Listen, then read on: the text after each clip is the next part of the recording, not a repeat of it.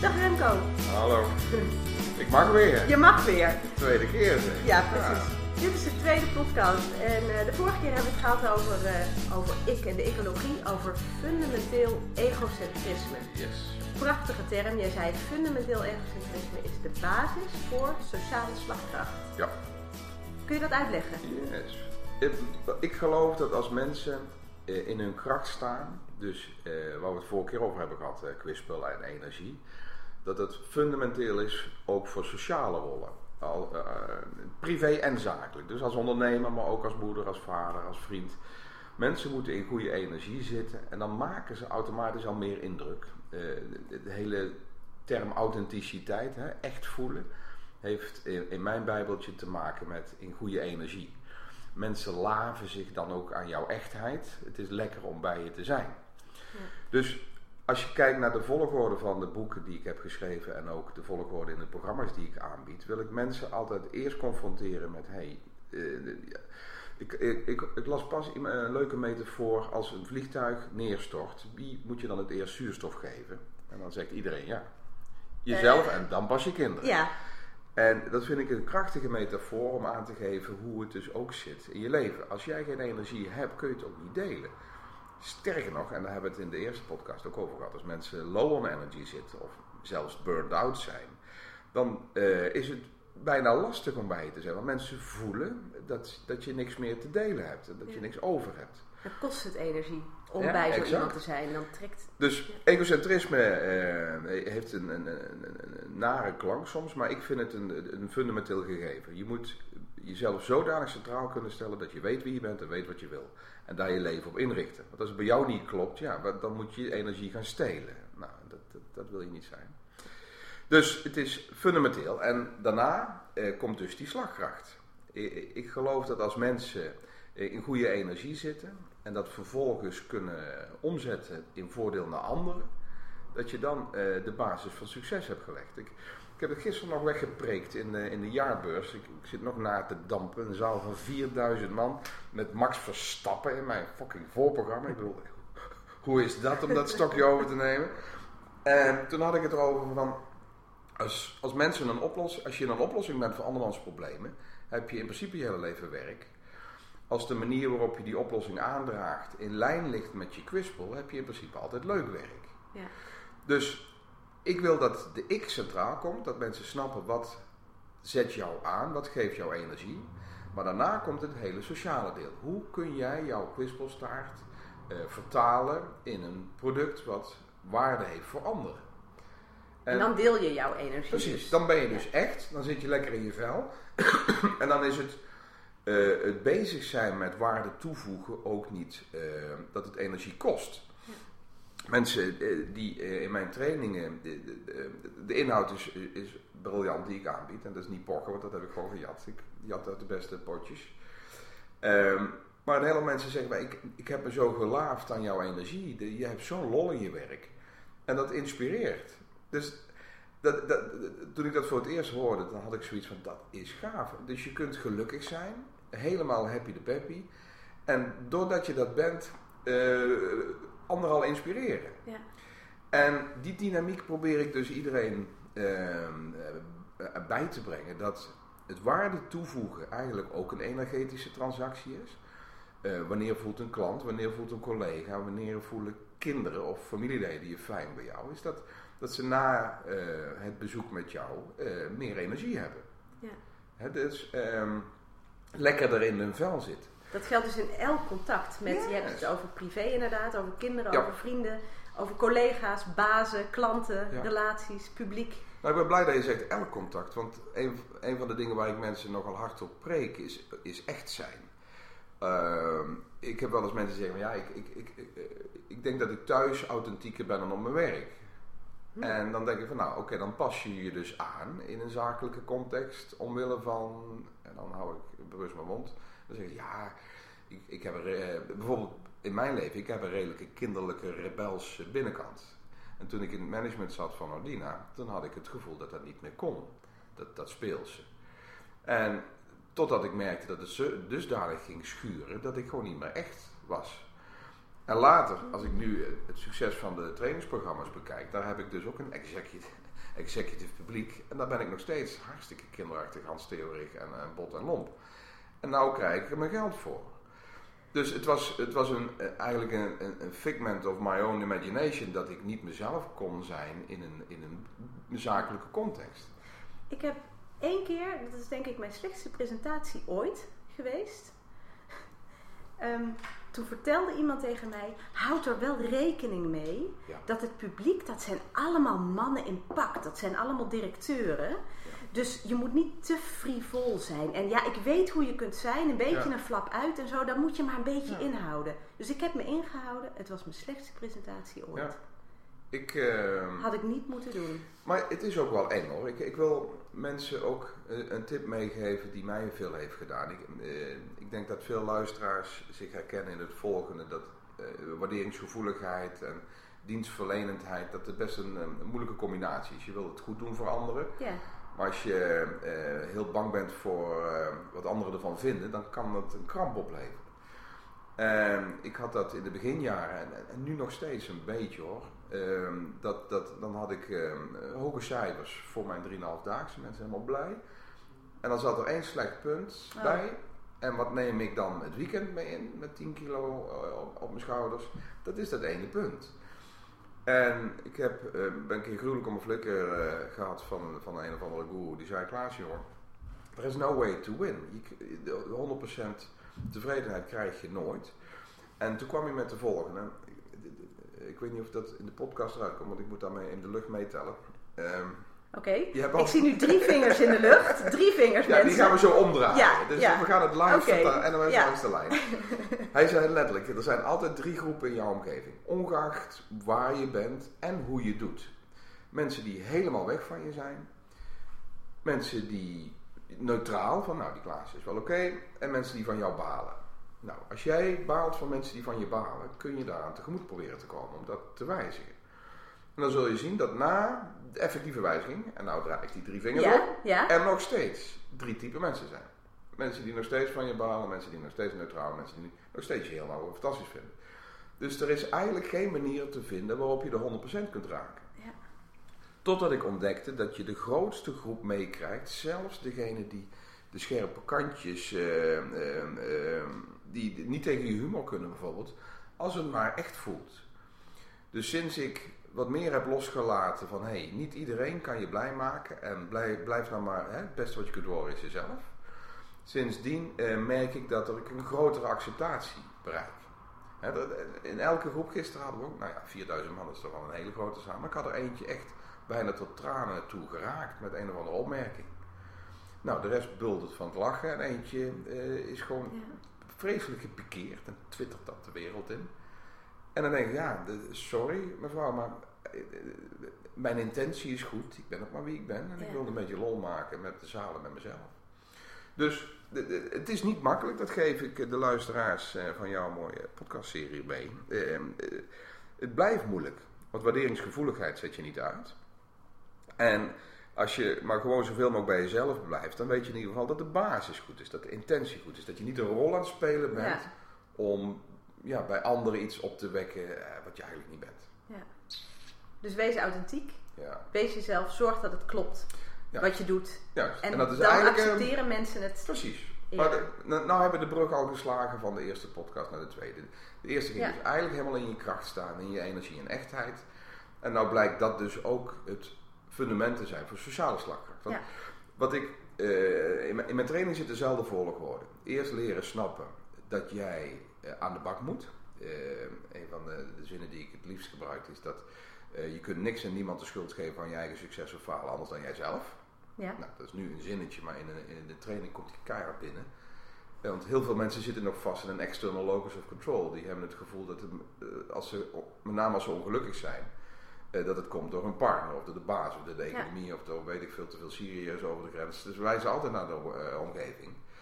En dat is een, een belangrijk deel van, van een van mijn programma's, dat je dat leert opgeven. Het, het, heeft allemaal met jou te maken. Je bent het gevolg nu van jouw vorige beslissingen en je wordt het gevolg van je nieuwe beslissing en niemand anders. Dus je moet eerst die locus of control internaliseren, heet dat dan moeilijk. Daarna, en daar hebben we uh, podcast 1 over gehad, moet je je kwispelstaat vertalen naar je kompasnaald. Ja. Hoe kom jij in je energie? Wanneer ben jij echt? En het laatste deel van het heilige drieluik is eigenlijk uh, in hoeverre voeg je iets toe? In hoeverre ben jij waardevol voor anderen? Uh, ik noem dat de value adding attitude. Ik heb geen idee meer waar ik het van gejat heb, maar uh, het zit zo in mijn systeem dat het, het voelt als eigen nu. De value adding attitude. en dat wil zeggen dat als jij in staat bent, daar waar jij bent met anderen, al, continu en consequent waarde toe te voegen, is op termijn de enige consequentie dat de waarde terugkomt. En dat noemen we ook wel eens waardering. Dat blijkt een van de belangrijkste componenten te zijn van geluksbeleving. Voelen dat je echt toe doet, voelen dat je waardevol bent. Nou, waardevol zijn, dus waarde toevoegen, kan energie kosten als je niet klopt. En daarom hebben we podcast 1 gedaan. Als jij klopt. Als ik mijn trainingen doe, heb ik het ontzettend naar mijn zin. Laat ik mezelf op aan energie en ben ik anderen blij aan het inspireren. En dan krijg ik ook nog geld voor. Ja. Dat is een en hoge hele, waarderingen. Nou, dat is een hele, hele prachtige synergie. Waar ik dus eh, heel oud mee kan worden. Omdat het klopt. Dus eh, waarde toevoegen is niet waarde verliezen, geen energie verliezen. Maar het is wel het meest fundamentele voor het sociale deel. Als mensen, en ik heb het net eigenlijk al een beetje aangeraakt, energie verliezen door jouw aanwezigheid, dan gaat het direct mis. Ik, uh, een van de fans, uh, een van de goeroes waar ik heel erg fan van ben, ik weet niet of ik dat de eerste keer heb aangehaald, is meneer uh, Stephen Covey. Ja. Um, die heeft een verhaal over die emotional bank account. Wat overigens niet van hem is. ik heb van Roos Vonk geleerd dat de basis ligt bij Lirian Bouwmeister. Volgens mij, die hadden de social meter over. Hè, wat, het, wat is het effect van jouw gedrag op anderen, basically? En wat Covey leuk doet met de bankaccount is dat hij eigenlijk een rekeningetje laat zien. Hoe, hoe dus de dynamica is tussen mensen onderling. Dat de dingen die jij zegt, doet, beweert, maar ook non-verbaal, dat dat een impact heeft bij de ander. En als je daar niet zo bewust van bent, kan je dus een energiekostenpost zijn. En ontdekken dat, uh, dat er een afstand wordt gecreëerd. Ja, ga je in het rood staan. Ja, want we gaan nu eigenlijk, uh, we hebben ecologie gedaan in het eerste blok dit blok gaat eigenlijk over wijsheid. Dat is een woord wat ik graag gebruik. Dus in hoeverre ben je in staat relaties te leggen, mensen te beïnvloeden. En nog eens, hè, want ik hoor ja. dat je aanhaalt. Ja. Ik moet nog één keer ja. Een, een, fundamenteel gegeven in, in, in het wijsheidskennisdomein uh, is dat mensen willen en kunnen wel veranderen, maar willen niet veranderd worden. Dus als de primaire drive van menselijk gedrag niet inside-out is, maar dominant outside-in, gaan tegenwoordig eerder de hakken in het zand dat het mensen conformiteit laten zien. Dus dat wetende, als je mensen wil veranderen, bijvoorbeeld je wil dat uh, je baas jou een, een uh, onbepaalde tijdcontract geeft, of überhaupt aanneemt, of je wil dat een klant jouw handel koopt, dan moet er dus iets zijn wat inside-out ontstaat. Dat de andere een verlangen krijgt van hey, deze uh, man of vrouw gaat mij waarde geven. En dat is, dat is, dat is een spel. Dat is, dat is echt wel heel interessant. Daar zitten een hele hoop regels en, en, en valkuilen en een dynamiek. Uh, en heel veel mensen snappen dat niet zo. Die hebben nauwelijks in de gaten wat hun, de impact is van hun aanwezigheid op anderen. Ik lul weer veel. Ik ben wel weer los. Je bent hè? enorm. Ja, maar ik wil weten, wat zijn dan die regels? Wat okay. zijn dan die. Nou, la, la, en je mag we... lullen, hè? Daar is een podcast okay. voor. Laat dus laten we dat vooral blijven doen. wat. Uh, nee hoor, ik, ik zou nooit durven knippen. Laten we die energiehuishouding erbij pakken met die bankaccount van ja. de Kofi. Ja. Aan de pluskant zitten in principe hele fundamentele dingen als aandacht voor anderen hebben, luisteren, behulpzaam zijn, maar ook gewoon cadeautjes geven. Uh, dus fysieke dingen. Maar dan kom je op een sollicitatiegesprek en dan neem je een cadeautje mee. Nou, heb eens het lef om. Uh, ik, dan kom je binnen van, nou, ik heb deze vakantie een boek gelezen. Nou, ik vond het zo geweldig. Dat, dat gun ik iedereen. Ik denk, nou, die neem ik mee. En ja, hier, mijn naam is Ramon Klaasje. Hier heb je wel eens een cadeautje. Nou, ik weet zeker dat het werkt. Sterker nog, ik, een andere vent waar ik fan van ben is Robert Cialdini. Ja. De invloedsgoeroe. Ja. En die heeft een heel hoofdstuk over wederkerigheid, over de reciprocitaire werking van de emotional bank account. Ja. Als zo'n persoon voelt dat, jij al vol, dat hij al uh, volgestort is, gaat hij daarna toch anders kijken naar je. Dus dan kun je zeggen, ja, maar dat is misschien een manipulatieve truc. Nou ja, fuck it, als het daardoor jou een nieuwe baan geeft. Ja, dat hoor, ik wel eens, dat hoor ik wel eens van mensen. Want ik heb inderdaad vaker, uh, ben ik ook met Cialdini bezig geweest. En zeggen mensen, ja, maar die wederkerigheid, ja, ja is dat niet chantage? Hoe, het, maar uiteindelijk is het één groot... Drol. Mensen mogen zich oneindig proberen bij mij in de plus te, te, te krijgen. En eh, als ze daarna nog iets terugkrijgen, bij is dat fantastisch. Er is één dingetje wat ik... Uh, ik geloof dat je niet altijd terugkrijgt vanuit dezelfde richting waar je hebt gegeven. Ja. Dus het kan zijn dat je, als je te veel strategisch geeft, van hé, hey, ik wil bij die persoon iets teweeg brengen en als het te lang duurt voordat je het terugkrijgt en je verzuurt, dan, dan zit je verkeerd. Ik zit nou in een modus dat ik er zo van onder de indruk ben over die reciprocitaire werking en over, ik geloof zelfs in een universele rechtvaardigheid, dat als je maar genoeg geeft, van alles terugkomt. En als je maar genoeg kost, dat je een keer uh, op de stoep komt te liggen. Dan komt het ook kogel, uh, Dus ik heb het losgelaten. Ik geef alles en, en, en, en iedereen dingen weg. Met de geruststelling, het komt, komt wel goed. Ik heb nu 18 jaar mijn BV. Ik heb nog nooit een salesgesprek gevoerd. Ik heb nog nooit een klant gebeld. En die zit maanden vooruit vol. Ik denk, nou, volgens mij klopt het. Ja, het werkt. Ja. Dus, ja. Maar dat geven... Ja, dus je zegt, het moet niet, het hoeft niet, je moet niet iets geven omdat je per se van die persoon iets terug wil hebben. Nee, ik zou gewoon die... die uh, heel veel uh, uh, boeken die gaan over sociale effectiviteit. Daar zit eh, een rode draad in doorheen rondom de abundance mentality. Het overvloedsdenken. De mens van nature heeft een, een, een scarcity mentality. Dat als je iets deelt, dat je iets verliest. Dat komt van heel vroeger. Dat als je uh, weinig te eten had en je hebt, uh, je hebt jong in je nest. Dan uh, moet je de voedsel bewaken. Want anders als het straks op is, kunnen je jong dood. Dus wij hebben van nature niet een, een, een deelgen. Dat, dat, is, dat, ja, dat zit in onze survival system. Klopt dat niet zo. Dus zijn op wat we hebben. Ja, minder eten. Dan kun je doodgaan. Echter, wij zijn nou een aantal um, laagjes doorgeciviliseerd. Althans, dat, dat denken we. Uh, en sommige mensen hebben ontdekt dat als je dat, dat delen vermenigvuldigd is. Ik heb gisteren ja. al iemand die zei dat uh, zo'n tegeltje aan de wand, maar hij heeft gelijk. Ja. Dus dat delen, maar goed, terug naar die emotional bank account, het hoeft dus niet altijd spullen te zijn. Uh, ik, ik, ik train leidinggevende ook op, ben dus wat vrijer met complimenten. Ja. Ik, ik weet niet of het typisch Nederlands is, maar wij, wij zijn veel gemakkelijker in het zeiken en zeuren en klagen dat we mensen prijzen eh, om dingen. Ja. Leuke blouse heb je trouwens aan. Ja, ja, ja. Die, ja, ja, ja, ja, dat, ja. Nou, het geheel is vandaag zo af. Ik zit me ontzettend in te houden ook nu. Um, leidinggevenden doen vaak het omgekeerde. Ik ken mensen die, die uh, in een vergadering plenair mensen uh, voor lul zetten. En als ze dan iets goed doen, dat, ze, dat, je, dat je één op één wordt getrokken. Van, wat, ik, wat ik erg aan jou waardeer was de XRI. Het moet precies andersom. Complimenten doe je plenair, kritiek altijd één op één. Ja. En dat soort dingen werken gigantisch door op je emotional bank account. Eh, als je dat niet weet. En dus de, de, de, aan de positieve, want ik, ik wil iets meer aandacht voordat de tijd zo om is. Eh, iets meer aandacht aan de minkant. Ja. Uh, de positieve kant kunnen mensen best wel voorstellen. Op tijd komen afspraken. Energie, aandacht. Bla bla.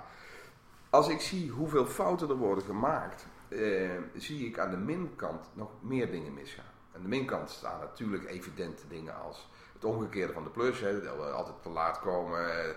Uh, geen cadeautjes geven, geen complimentjes, maar uh, veel zwaardere als liegen en oneerlijk zijn. En, Afspraken niet nakomen. Roddelen, dat soort zaken. Maar, ik heb een heel blok in een van mijn programma's over microminnetjes. Dat zijn minnetjes waar we eigenlijk nauwelijks van bewust zijn, maar die een enorme impact hebben op die emotional bank account. Uh, taalkundig bijvoorbeeld, dingen zeggen zoals, zoals ik al zei. Nou, dat is gewoon Nederlands, hè? Ja. Klinkt ook helemaal niet heel erg. Je, je hernieuwt de aandacht op een bepaald, op jouw argument. Maar eigenlijk zegt het iets anders. Het zegt veel meer dingen. Het zegt, je hebt niet geluisterd. Ik vind je niet, niet, niet zo slim. En vervolgens uh, vraag je of mensen bukken voor jouw nieuwe uh, inzicht.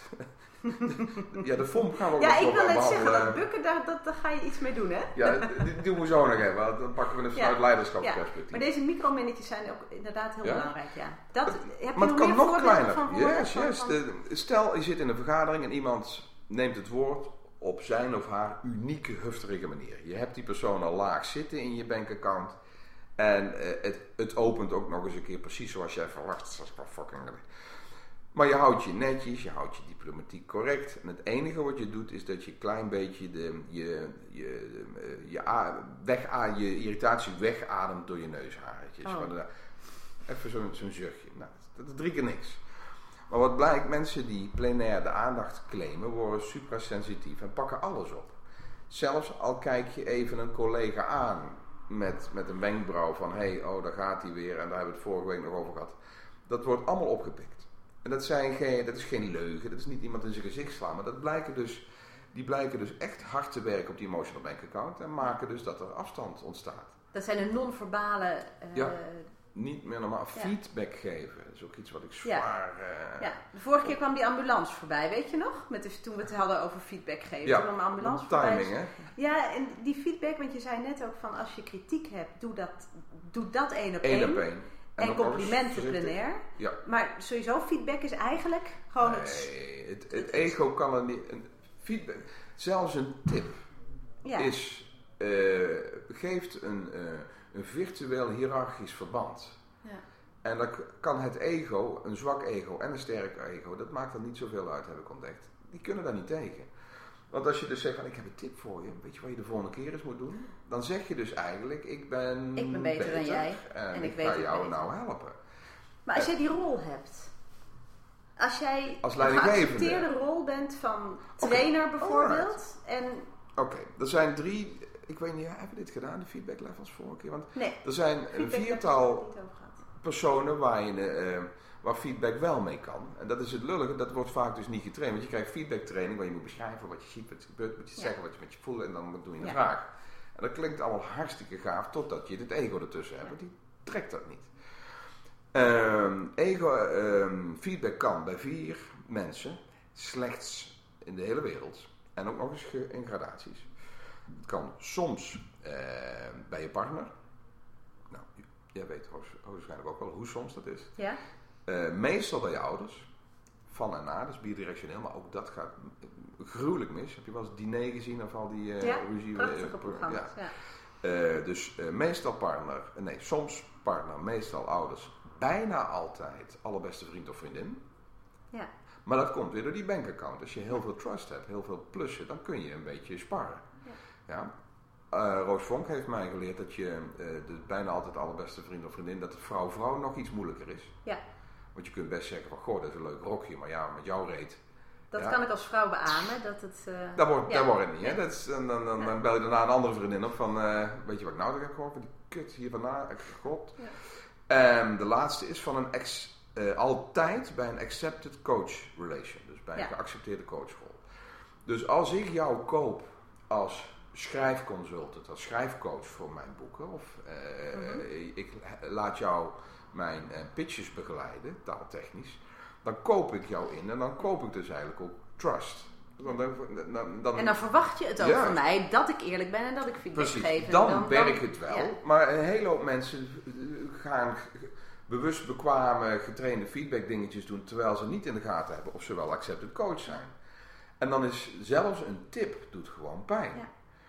En, en, en zelf, ook als je al geaccepteerd, uh, geaccepteerd coach bent, zou ik de, volgens mij heet die Lozado, Lozado-factor hanteren. Die zegt dat je EBA technisch, dus emotional bank account technisch, uh, clean kunt overleven als je een uh, punt van kritiek, want feedback is altijd kritiek, mm -hmm. anders heet het een compliment en daar gelden andere regels voor. Als je een punt van kritiek kunt embedden met vier complimenten. Nou, dat is een walgelijke verhouding als je dat als je daar les in geeft. Dus je, je, je, kunt, je moet vier complimenten doen ja. om één feedback uh, zodanig te kunnen planten dat mensen niet onderuit gaan aan low self-esteem en suicidaal jouw con consult uh, uitkomen. Dat, dat, is vreselijk, maar zo moeilijk blijkt het dus te zijn. In mijn schrijftrainingen laat ik brieven zien van mensen, bijvoorbeeld teksten zien van mensen uit, het, uit de training. Ja. En dan geef ik als opdracht: lees deze tekst door van je collega. Ja. Schrijf minstens drie complimenten op. Ja, en één advies hoe het beter zou kunnen. Op basis van wat we in de training hebben geleerd. Juist. En werkelijk waar, hè, dan doen we een rondje. En dan zeg ik, we beginnen met de complimenten. Ik wil allemaal complimenten horen. De eerste geeft nog brave complimenten. De tweede geeft een compliment. En de derde die begint, ik vind dit niet. Ik vind dat niet. En meer dan de helft begint met kritiek. Ja. Dan moet je... Dus dan is de opdracht heel duidelijk, denk ik dan. Hè? Geef een compliment. Zeg wat je goed vindt aan deze brief. Ja, en dan komt er uh, soms alleen maar uit. Ja, ik vind het lettertype mooi gekozen.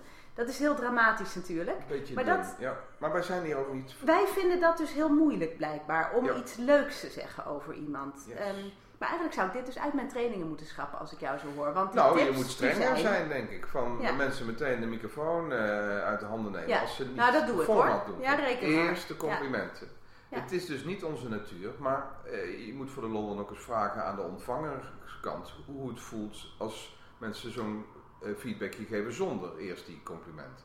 Dan, is, dan zul je merken dat direct, net zoals mijn die een, een laag punt, die neem je mee. Mensen blijven dat als enige herinneren. Het is een soort vergiet waar alle complimenten ja. doorheen uh, vliegen. En... Ik, ik heb één, het kan een beetje te instrumenteel overkomen. Ik, ik noem het ook wel een truc. Die is van Dale Carnegie. Uh, zijn beste boek vind ik uh, How to Make Friends and Influence People. Nou. En vreselijk. In Nederland is hij, heet hij Zo maak ik vrienden en goede relaties voor. Vriendjespolitiek. Ja, nee. het is een vreselijk boek om te bestellen. Heeft u dat boek Zo maak, Zo maak vrienden. ik vrienden? en goede relaties. Dat is een beetje niet ontzettend zielig, ja. Pak maar... het maar in, het is voor een ja, vriend. Ja, ja, het is voor een vriend. Dus. Nou, daar staat een onderdeel in. Hij zegt: Het beste wat je kunt doen om mensen uh, naar groei te begeleiden, is om het aan te vliegen vanuit een eigen kwetsbaarheid. Ja. Dus dan zeg je bijvoorbeeld: uh, stel je wil iemand attenderen op het feit dat hij, als hij te geïrriteerd raakt, zijn social skills verliest in de vergadering en gewoon te hard Dat je bijvoorbeeld zegt: van, Goh, wat ik, wat ik zo lastig vind, is dat als ik geraakt word, om dan toch nog netjes te blijven en zorgen dat ik op hè, de diplomatieke as blijf. Hè, als je dat dan zo aanvliegt, dan kan bij de ander dus een gevoel ontstaan van ja, dat herken ik ook. Ja. En dan doet het minder pijn. Maar, maar, maar zo nauw komt het dus, zo kwetsbaar en fragiel is het ego, dat als je er niet netjes aanvliegt, daar meteen weerstand ontstaat. Ja. Dat je meteen lagerhuis, ja maar, pingpong krijgt. Dit is wijsheid. Dit is wijsheid. Je ja. moet het spel een beetje snappen. En dan, dan kun je uiteindelijk hetzelfde, het, uh, meer effectiviteit bereiken door gewoon meer uit te kijken wat er allemaal mis kan gaan. Ja, er, uh, boven, er wordt hard boven zijn feedbackgesprek. Alweer, het is.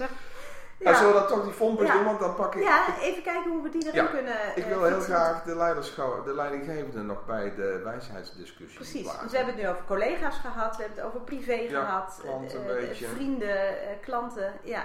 Hoe doe je dit? Hoe hou je je wijsheid in een hiërarchisch verband? Ja. Um, ik haal even de belangrijkste zin van deze podcast, wat mij betreft, ergens in de eerste twee, drie minuten. Mensen willen en kunnen wel veranderen, maar willen niet veranderd worden. Nou, de, de, de metafoor die ik erbij gebruik eh, is de, de oude eh, buizenpost bij CNA en Peking Kloppenburg, die hoek.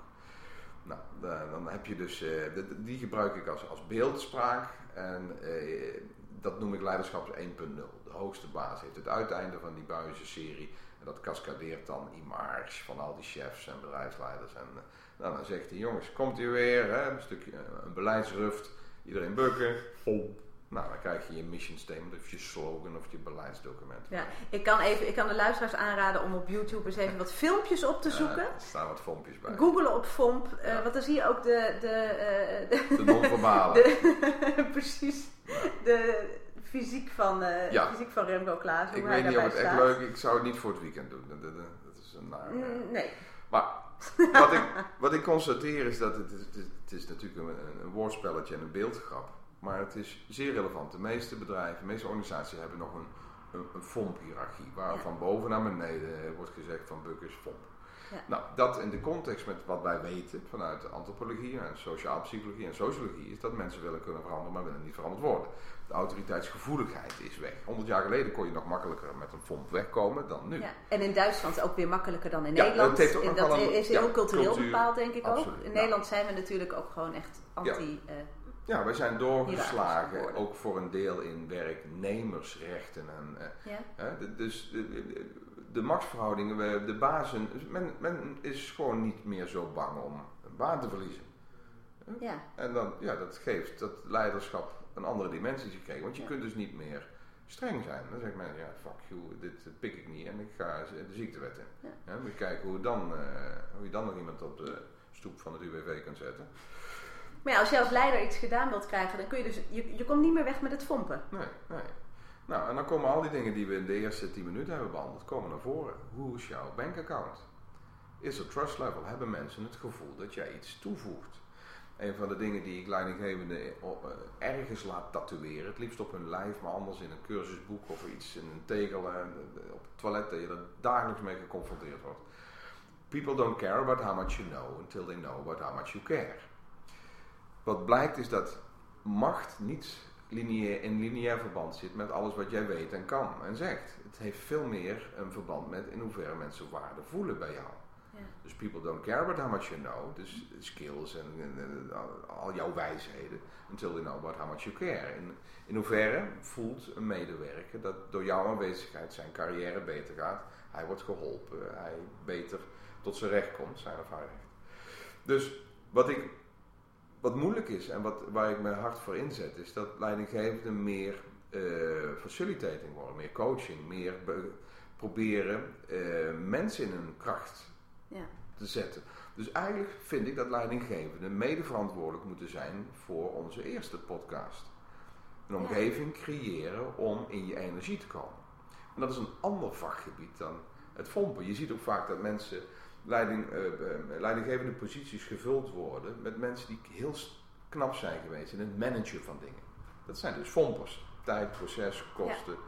Ja. En dan kom je ineens op een stoel terecht waar je uh, een facilitator moet worden, een begeleider.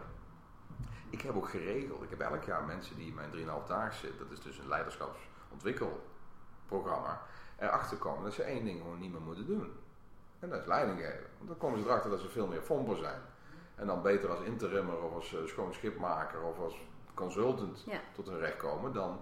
Want leiderschap gaat ook nog eens over lange termijn en over effectiviteit. En dat laat ik schrijven met lange ID als een soort reminder. Je kunt niet efficiënt zijn met mensen. En managers zitten met name op efficiëntie. Ja. Zo snel mogelijk, met de minste kosten, prachtige dingen bereiken. En dat lukt nou lekker net even niet met mensen. Dus als je weet dat er een emotional bank account bestaat bij iedereen, als je weet dat dat tijd kost, dat het noodzakelijk is om accepted coach te worden, en weten dat mensen wel willen kunnen veranderen, niet verantwoorden en people don't care, but how much you know, you know care, dan zie je dat leiderschap een heel ander vak aan het worden is. Wat veel meer gaat over eh, energieën stroomlijnen, mensen in hun kracht zetten.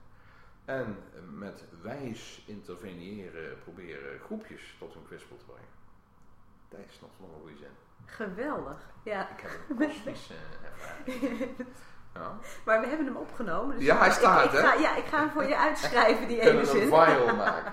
dan gaat hij viral en dan mag je... Vreemd genoeg zie je dat leiderschap dusdanig aan... Leidinggevenden worden eigenlijk top-down verantwoordelijk om mensen bottom-up aan te krijgen.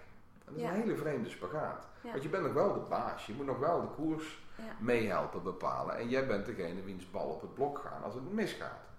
Dus het is, het is heel eng lijkt me dat. Nou, dat is voor heel veel leidinggevenden. Ik ben nooit leidinggevende geweest, dus ik kan er niet over praten, maar meepraten. Maar ik kan me voorstellen dat het heel eng is. Ik heb wel leidinggevende gehad Sommigen hebben, zitten zo vast in leiderschap 1.0 in de FOMP. Ik heb een lezing gegeven bij een bank.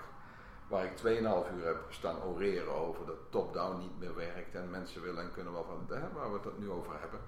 En de CFO van die bank zou mij aflossen en zeggen van, nou daar is het wijn en daar staan uh, de bruine, met bruin fruit, hè, de, de bitterballen. En wat doet die man? Die komt het podium op, de, eh, geeft mij een fles wijn, pakt de microfoon. Dus ik denk, nou hij gaat zeggen, daar uh, staat de drank. En die pakt dus nog ijskoud een kwartier de tijd, onaangekondigd, on, onvoorbereid, om een aantal beleidsruften te laten. Huh? Dus die, die komt applaudisseren uh, op de bühne zegt van hé, hey, eh, gaaf verhaal. En vervolgens negeert hij het compleet. Zegt tegen iedereen van nou, bukken, hier hebben we weer een fomp. Je voelde ook aan de hele zaal, er zat zo'n 300, 400 man, de, de, de, van what the fuck is happening hier? Maar soms kan het dus zo vastzitten dat, dat de persoon weer in die rol schoot ja. en gewoon weer zijn werk ging doen. En dan heb je, hij heeft op de eerste rij gezeten bij mijn 2,5 uur, uur durend pleidooi. Van het kan niet meer zo. Dus er is nog wel werk. Uh, en die leidinggevenden, die moeten, die, die, moeten, die moeten natuurlijk helemaal niks. Nee, maar als zij uh, willen blijven voortbestaan, dan, dan, ja. gaan we, zouden zij eigenlijk ook terug moeten weer naar hun Juist. eigen ja, nou deze persoon in kwestie moet het zeer, uh, zeer zeker, want die heeft zichzelf compleet onmogelijk gemaakt. Ja. De combinatie van mijn verhaal en zijn onkunde maakte dat voor 300, 400 man zijn bankaccount leeg was. Want die neem je nooit meer serieus. En ik Had hij dat in de gaten? Ik, nee, no way. Ik denk het niet. Ik denk ook niet. Maar dat is ook weer zoiets. Eh, bepaalde uh, sociale autisme en hufterigheid wordt voor een deel in stand gehouden omdat mensen, ja, toch uh, in, in, een lik-en-slik cultuur meeveren met de baas. Ik, het is niet overal meer zo. We hebben ook uh, branches waar het ego wat harder durft te prediken. ik zie dat, en dan moet ik uitkijken dat ik niet een hele markt dichtgooi voor mezelf. Maar ik ken een aantal bestuurders uit het onderwijs. En daar is het hiërarchisch verband wat, wordt wat makkelijker bevochten omdat, ja, je wordt toch niet ontslagen. Dat gebeurt heel ontslagen, ontslaan? Ontslagen, ja. En, en dus, dus die hebben zoiets van, ja, observeren mee in een vergadering en daarna laten ze compleet, doen ze de deur weer dicht, zitten ze hun eigen koninkrijkje en doen ze niks. Dat is echt een dikke frustratie. Ik heb nog niet veel ervaring in het onderwijs, maar ik heb een aantal topbestuurders, dus niet een, directeur van een basisschool bijvoorbeeld, maar directeur van uh, besturen van meerdere basisscholen. En die zeggen, het is een apart slag.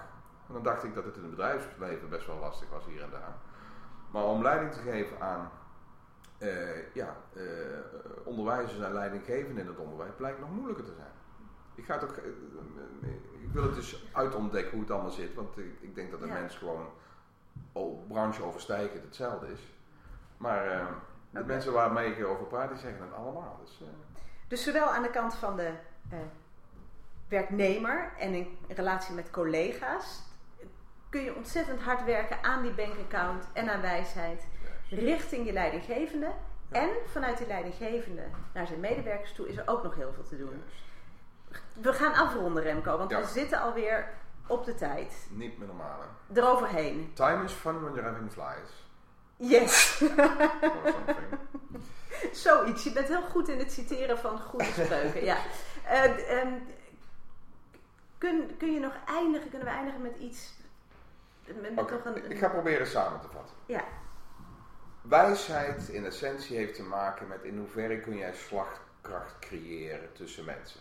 Ongeacht of het nou privé is of zakelijk, ongeacht of er een hiërarchisch verband is of niet. In hoeverre ben jij in staat door jouw aanwezigheid energie toe te voegen in plaats van dat het energie kost? Nou, heel blok eh, podcast 1 ging over bij je eigen energie komen, dat jouw batterij klopt. Eigenlijk wil ik met wijsheid vragen van, hey, uh, kijk eens naar de staart van anderen. Hè? Wij hebben kwispeldiagnostiek gebruikt als introspectief tool in de eerste podcast. Nou gaan we uh, meer de aandacht verleggen naar de ander. Ik noem, uh, of ik noem dat, het, zo heet dat, dat is introspectie. Dus ben eens wat meer bewust van in hoeverre jij toevoegt. En waar ik mensen ook graag op train is wat meer empathische gaven. Dat je leert snappen uh, wat er aan de andere kant van de tafel zit. Voordat je zelf gaat beuken met jouw wijsheden, tips en weet ik veel. En voor mij is dat een heel lastig fenomeen uh, geweest. Want dan moet je in essentie je bek houden. Ja. Want op het moment dat je praat leer je niks meer. Dus als je je zendtijd halveert, groeit je, uh, je lerend vermogen ook met 50%. Dus ik wil, en dat is ook weer iets wat, waar dominante, extraverte uh, types die vaak op leidinggevende posities landen uh, mee, mee, begaan zijn, is dat ze makkelijk delen. En dan bedoel ik hun wijsheden. En dan zit je weer haaks op en ben people don't care but how much you know, bla bla bla. Dus, ben eens bewuster van in hoeverre je waarde toevoegt. Probeer eens wat minder te zenden als je gevraagd wordt voor een podcast, gelden er andere regels. Hè? Absoluut. ik heb jou gevraagd om te zenden. Hè? Nee, dus, dit is, uh, laten we dat duidelijk stellen. Als wij uh, niet voor een podcast hadden gewerkt, had ik, jou, had ik mijn best gedaan om jou meer podium te geven. Mm -hmm. Want dan voel je je ook fijn. Dan weet je dat ik luister en dat ik er ben voor je. Hey Remco, ontzettend bedankt weer voor deze podcast, die dus over wijsheid ging. Ik ben er wijzer van geworden en ik ga ook kijken hoe ik dat ook in mijn trainingen wat ik daarmee kan doen, hoe ik dat toe kan gaan passen. Um, en de volgende podcast ja, ik mag gaan nog we even. nog een stap verder. Ja, of een, weer een andere stap eigenlijk. Dat is verbaal meesterschap. Laten we heel even kort vooruitblikken naar wat we daar gaan doen. Dat gaat ook over energie. Dat gaat... Het gaat... En over geven. Het komt nog meer... Ik heb een bijzondere passie richting leiderschap. Persoonlijke ontwikkeling en, en, uh, en leiderschap. Maar daaronder zit eigenlijk uh, mijn hobby een dikke kwispel en dat is invloed en beïnvloeding. Ja. Wat kun je allemaal gedaan krijgen bij anderen, zelfs in het onderbewustzijn en in het subliminale. En met verbaalmeesterschap gaan we helemaal los in hoe je dat uh, kunt inaugureren in je wijsheidspalet. Geweldig. Ik kijk er nu al naar uit. Yes, me too. hey. Dankjewel. Dikke box. Yes. Tot de volgende keer. Tot de volgende keer.